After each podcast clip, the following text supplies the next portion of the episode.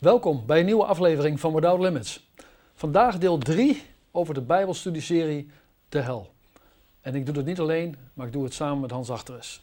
Hans, van harte welkom weer bij Without Limits. Dankjewel Henk. Vandaag de derde aflevering. Uh, ja, die gaat over hoe voorkom ik dat ik naar de hel ga. Ja, omdat Jezus u en mij en jou lief heeft, wil hij je bewaren voor de ontzagwekkende verschrikkingen van deze plek.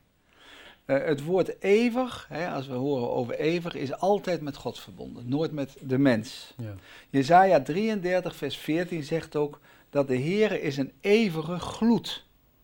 De Bijbel spreekt over de hel altijd over eeuwig. Eeuwig vuur, eeuwig oordeel, eeuwig verderf, eeuwige banden, waar de worm niet sterft en het vuur niet uitblust. Dat is onverdraaglijk. Dus dat, dat is dat het kwaad voor goed wordt uitgesloten. Voor ons kunnen we dat ons niet voorstellen, maar dat is aan God. maar onverdraaglijk, het zal niet ophouden. Bijvoorbeeld aardse straffen uh, of overheidsstraffen, denk maar aan een boete, die werken mee tot verbetering, hopelijk tenminste. Hè? Of tot verandering. Ja. Of tot, voor opvoedkunde. Maar ze zijn allemaal, zoals van de overheid, dat is logisch, tijdelijk. Maar in de hel is daar geen sprake van. Het is een gevangenis, Henk, zonder uitgang. En de mensen hebben God uh, uit hun leven gebannen, bewust. En nu zegt Jezus, kom tot mij. Allen die vermoeid en belast zijn, en ik zal u rust geven. Maar daar is er geen sprake van, dat is gepasseerd. Men volhardt in de zonde en nu en eigenlijk voor altijd is men ver van het aangezicht van God. Ja. Hans, jij uh, hebt een hele mooie zin over God als heilige, over de zonde en over oneindig. Kun je eens zeggen? God zal als heilige oneindig de zonde haten en de zonde is een oneindige vijand van hem, dan is gepast een oneindige straf. Ja. er is in de Bijbel dus niet sprake van vernietiging of uitroeiing, tenminste wat de hel betreft, maar het is een vergelding. Dat, dat lezen we telkens weer, ook in, met name in het Nieuwe Testament, dat je zegt dood is dood, dat is niet waar. Jezus spreekt over de hel, over pijn en lijden. Ik lees bijvoorbeeld in Lucas 13, vers 27 het volgende. En hij zal tot u spreken, zeggende: Ik weet niet van waar u bent. Gaat weg van mij, al uw werkers van de ongerechtigheid. Daar zal het gehuil zijn en het tandengeknars. Wanneer u Abraham en Isaac en Jacob zult zien en al de profeten in het koninkrijk Gods, maar u zelf buiten gesloten. Hmm. Dus er is zelfs nog kennis van de hemelse sfeer. Maar er staat ook in openbaring 14 vers 10, en dat gaat ook over mensen, maar bovenal ook over duivelen, dat ze gepijnigd worden met vuur en zwavel. Dat is natuurlijk treurig, dat zijn de veroordeelden. En ik snap dat dat een akelige boodschap is. Ja. we denken, zoals ik het soms ook denk, een te zware straf. Een vreselijke lot. Maar ja, het zijn wel de oproerlingen ten opzichte van God. En God blijft rechtvaardig. God is geen beul. Hij is geen beul. Jezus kwam om het verlorene te redden. Dat is een indringende oproep, doet hij over de hel, om, om juist de verlorene te redden. En ik ben ervan overtuigd, Henk, Jezus loopt ons na tot de rand van de hel. Zo, vandaar deze afleveringen. Jezus loopt ons na tot de rand van de hel om je binnen te trekken. Maar als je niet wilt, ja. het zij zo. Ja. Laat u, daar staat in 2 Korinthe 5 vers 20, laat u met God verzoenen. Als u in de hel komt, hebt u God niets te verwijten. Helemaal niets. Niets te verwijten. De wereldse mens, als die woedend is, jij brandt maar in de hel. Nou, ik zou ervoor oppassen. Hè? Want het is wel ernstig. Het is, uh, het is onjuist om te zeggen dat de hel tijdelijk is. dat je dus uh, direct gedood wordt, bijvoorbeeld. Uh, er zijn heel veel theologen, nou je weet theoloog, nou die liegen omdat ze dat allemaal willen verzachten. En ze zeggen het, het, het is tijdelijk en het is eventjes. Ze willen er direct een eind aan maken. Ze zeggen dat heeft ook niet met eeuwigheid te maken, die hel, maar het heeft met aionen te maken. Dat betekent een tijdspan, een tijdsbestek. Uh, het is een kort moment, maar al die dingen die gaan lijnrecht in tegen de Bijbel. En ik heb het allemaal onderzocht. En het is allemaal om te zeggen dat het anders is dan eeuwig, is gekunsteld. Het is gemaakt. Het is inlegkunde. Het is verdraaid. En daar moeten we voor oppassen. Want we moeten doen wat de Heer zegt. wat u met de mensen die, die God niet willen, kennen en die ongehoorzaam zijn aan het evangelie. Ja, nou dan moet ik hierbij Henk citeren, Paulus in 2 Thessalonicenzen 1, waarin hij zegt, hun straf is, en dan heeft hij het over die God niet kennen en ongehoorzaam zijn, hun straf is dat ze voor eeuwig ver van de Heer zullen zijn en zijn hemelse majesteit en heerlijkheid. Uh, eigenlijk zijn wij allemaal als mensen, wij ook schuldig. Maar ons is genade ten deel gevallen. Onbegrijpelijk. door ons geloof. Door het geloof in Hem. We zijn allemaal, zoals ik het zie, Henk, ik ook, brandhout. Alle mensen. Door de zonde en door de schuld van de zonde. We, zijn, we zitten al in het vuur en het, het brandt. Maar wij zijn uit het vuur gerukt. En misschien dat, dat als mensen hier naar kijken en luisteren, zeggen ze: God, nou je het over brandhout hebt, zo ben ik ook. Maar er is nog steeds een mogelijkheid. Dat u zich, en dat kan alleen maar door een goddelijke hand, u uit het brandhout laat rukken. Het evangelie is liefde, maar het is ook ernst. Het evangelie heeft het over de hele wereld. Al zo lief heeft God de hele wereld. Maar toch, en dat is misschien even een nadenkertje ook voor ons en voor mij en voor allen die het horen. Toch sprak Jezus nooit over de hel tegen ongelovigen. Kijk, kom je nergens tegen. Kom je nergens tegen. Maar we weten dat het evangelie is voor alle mensen. Dus ieder mens is gewaarschuwd. Maar hij sprak het tot, tot gelovige mensen. Ja. We lezen over het doel van Jezus naar de aarde. Wil je dat eens lezen? Het doel. Johannes 3, vers 17 en 18. Ja, daar staat. Want God heeft zijn zoon niet in de wereld gezonden opdat hij de wereld veroordelen, maar opdat de wereld door hem behouden worden. Wie in hem gelooft, wordt niet veroordeeld. Wie niet gelooft, is reeds veroordeeld, omdat hij niet heeft geloofd in de naam van de enige geboren zoon van God. Allereerst, Henk, God dwingt niet. Hij laat de mens de vrije keuze hoe en wat. Ik heb hier staan een ongelovige opa uh, en, en die is gestorven. En, en een kind, die heeft opa zo lief. En haar moeder, de moeder van dat kind, is echt gelovig, een christen. En dat kind zegt: Mama, opa is nu dood. Maar hij geloofde niet in Jezus. Komt hij, opa, nou in de hel? Want opa was zo lief, samen op het iPad. Hij ging soms hengelen met me en hij maakte me kapotte fietsje. En soms gaf hij me zelfs 2 euro. Ik durf het niet te zeggen. Ik weet wel wat hier staat, zijn goede dingen. En God is goed en voor goede dingen. En voor het goede doen. Maar het is zijn kroonrecht. Hij weet alle dingen. Ja. Ik laat het aan hem over. Maar blijf je bewust ongelovig, dan loop je gevaar. als christen, zoals ik en jij en anderen, dan ben je zo gefixeerd op de hemel. Nou, de hel vergeet je. of niet? Want je bent gered en behouden. ja, we hebben het er nu over, drie afleveringen. Maar als je zo op de hemel gericht bent, op Christus, dan vergeet je de hel. Dat is ook de werking van de Heilige Geest. Want daar hebben we geen deel meer aan. Gods doel is allemaal naar de hemel. jij noemde, meen ik, een tekst in het begin van aflevering 1. 1 Timotheus 2, vers 4. God wil, dat staat in 1 Timotheus 2, vers 4. God wil dat alle mensen behouden worden. Ja, en tot erkentenis komen van de waarheid. Nou, dus mijn oproep aan u is: besteed is aandacht aan de eeuwigheid.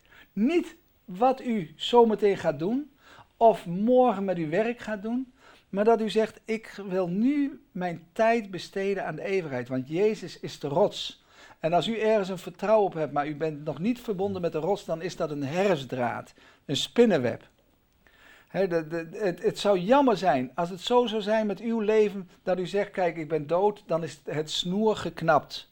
Of de parel is verloren gegaan, want ik ben dood. Nee, wij zijn, zegt de Bijbel, als wij geloven in Jezus, net als een beek die uitmondt op de hemelse zee. Het blijft stromen. Ja. En we zijn niet een parel die verloren is gaan voor goed. Van, oh, wat een mooi mens. Akkoord. Maar het gaat om de eeuwigheid. En als je aan mij vraagt, Hans, is het goed om bang te zijn voor de hel? Dan zeg ik voluit ja. Het is een juiste houding. De gevallen engelen en boze geesten en demonen, demonen weten hiervan. Zij zijn ook bang voor de hel. Toen Jezus op aarde een bezetene die vol was van de demonen, van duivelse geesten, hem, hem tegenkwam, toen smeekte die boze geest in Marcus 5 vers 7, ik vraag u Jezus dat u ons niet pijnigt.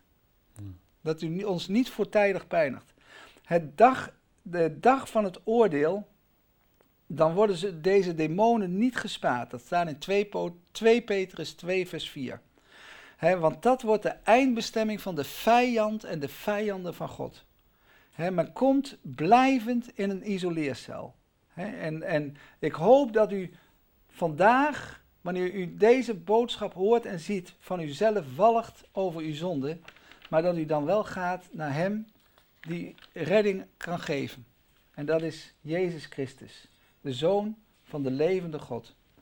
En uh, sommigen zeggen, loop naar de hel. Hè?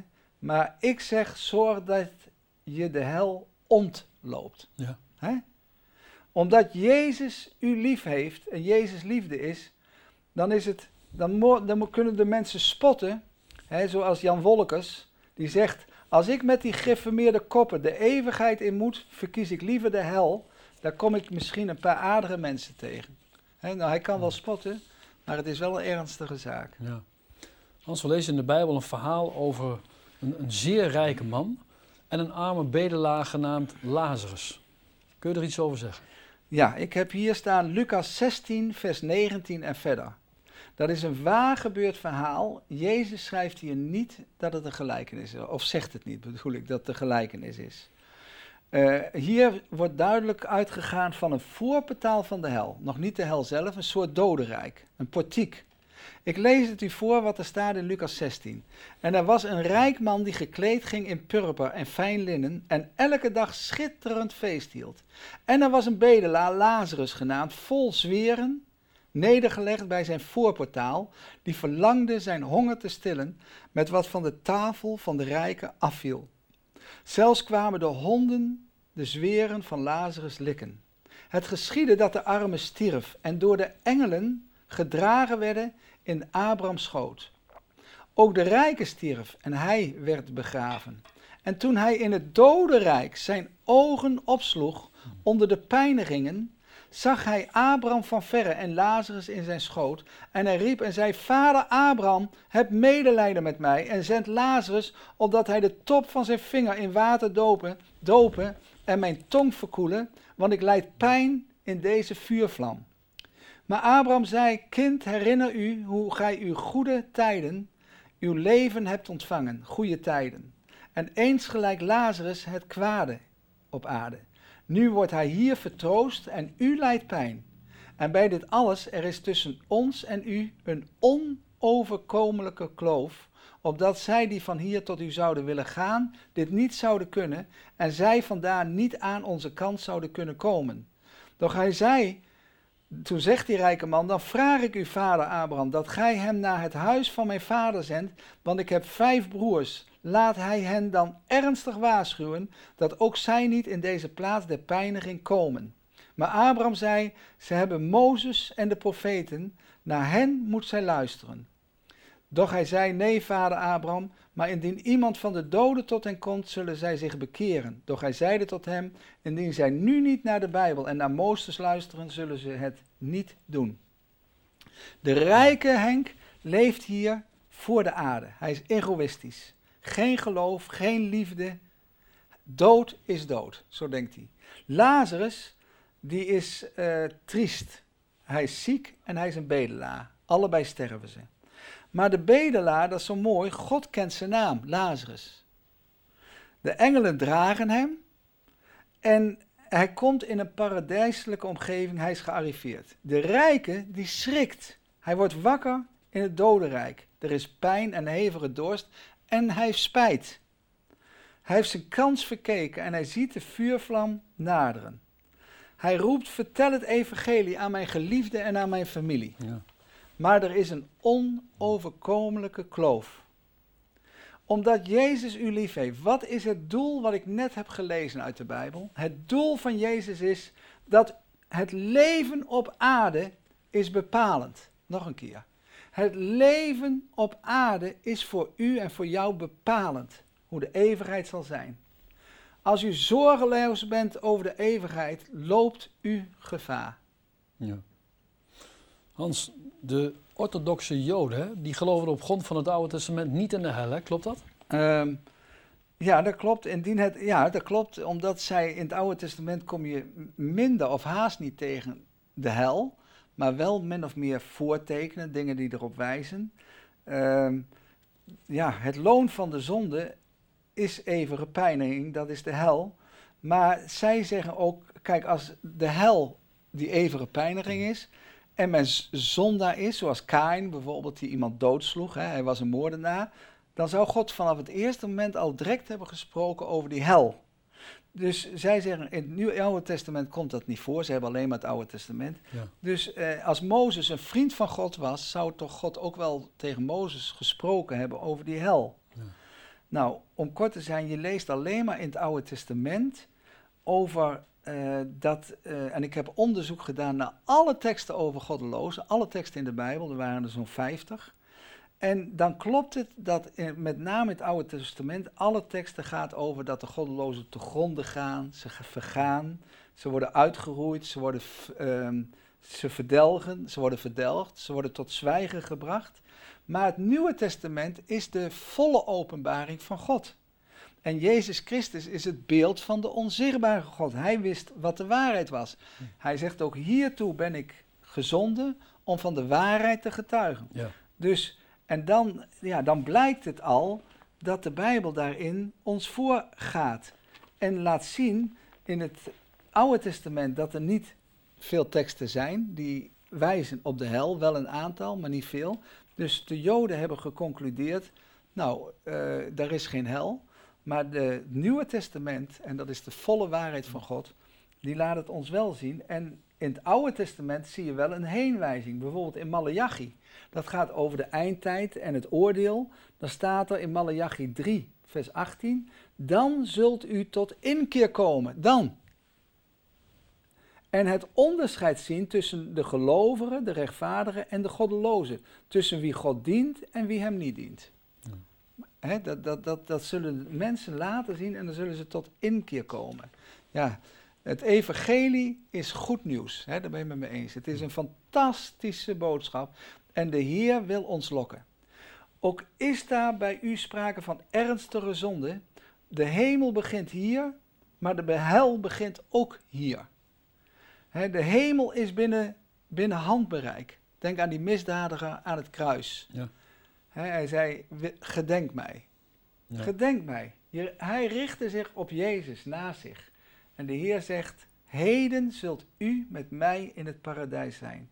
Ja. Wat zou je ervoor over hebben, wat zou u ervoor over hebben om uit de hel te blijven? Jezus gaf zijn leven en bloed. Hij kan u overbrengen uit de macht van de duisternis in de heerlijkheid van zijn licht. En ik geloof, God roept u nu. Nu kunt u kiezen. Ja. Ja, want Hans, eh, in de prediker 9 vers 10, daar staat iets. Eh dat wil ik even voorlezen. Daar staat, al wat uw hand vindt om naar uw vermogen te doen, doe dat. Want er is geen werk of overleg of kennis of wijsheid in het dodenrijk waarheen gij gaat. Ja, de, de dood is dood. En Daarom, we weten niet als we morgen nog leven. Hè, dat klopt toch? Ja. Dat weten we niet. Maar ik weet wel, als iemand zich bekeert, dan staat er, dan zal er blijdschap zijn in de hemel Ja. bij de engelen. Ja, Die engelen krijgen de familie bij, die engelen gaan voor u zorgen, die gaan u beschermen. zelfs als u dood bent, brengen ze u direct naar de plaats waar u wezen moet, bij Hem. U moet de Zoon van God kussen. U moet zich verzoenen. Wil je de hemel mislopen, dan moet je dat doen. Dat klinkt raar, maar dat, dat is je eigen keuze. Het is je eigen keuze. Als u vol zit van eigenliefde, ja, dat is gevaarlijk. eigenliefde. Uh, het is gevaarlijk als je steeds elke dag een overvolle agenda hebt. zoek eerst het koninkrijk van God en zijn gerechtigheid en dan zullen alle andere dingen u bovendien geschonken worden. Uh, u zult denken, het, wat ik hoor klinkt als dreigen. Maar wij zeggen nogmaals, zoals Henk en ik, ja, omdat Jezus u lief heeft. Sommigen hebben geen besef van God. Hebreeën 12, vers 29 staat: God is een verterend vuur. Straks is het te laat. Jezus heeft gezegd: Het is volbracht. Het is volbracht. Hij redt ons niet, om het zo uit te drukken, van een griepje. maar hij redt ons van een van oneindige toren van God. Er zijn mensen die mij zien en luisteren en die zijn ouder in leeftijd, misschien boven de 50, 60, 70 jaar. En het liefst willen ze de hel wegduwen. Vaak als, ze, als een mens ouder is, heeft hij azelingen, heeft hij reserves. Of ze denken, wat zullen de mensen wel zeggen als ik ga geloven? Maar bij u is het ook qua leeftijd de elfde uren. De Heere wacht op u. Staat u in het boek des levens. Er is geen uitstel meer, zegt de Bijbel in openbaring. Niemand hoeft naar de hel te gaan. Niemand. Maar ik raad u aan om zelf eens een keer rustig te lezen. Openbaring hoofdstuk 20 en hoofd, openbaring hoofdstuk 21. En uh, dan wil ik u nog voorlezen Ezekiel 33, vers 11. We hebben hem nog één keer genoemd in die drie afleveringen, maar hij is zo mooi hoe God denkt en is, dat ik Ezekiel 33, vers 11 ten laatste u nog voorlees. De Heer zegt, zou ik een welgevallen hebben aan de dood van de goddelozen, luidt het woord van de Heere Heere, niet veel eer hieraan dat hij zich bekeren van zijn wegen en stijl van leven. Ik zal u zeggen, de Heer zei tot mij over dit onderwerp, spreek en zwijg niet. Ik heb naar hem geluisterd. Mijn zeer geliefde vrouw, Sjane Achteres, voorsteman van Ooyen, zal u op de gitaar een lied laten horen om te weten is uw paspoort getekend, o mens, door Jezus Christus, zijn bloed. Amen.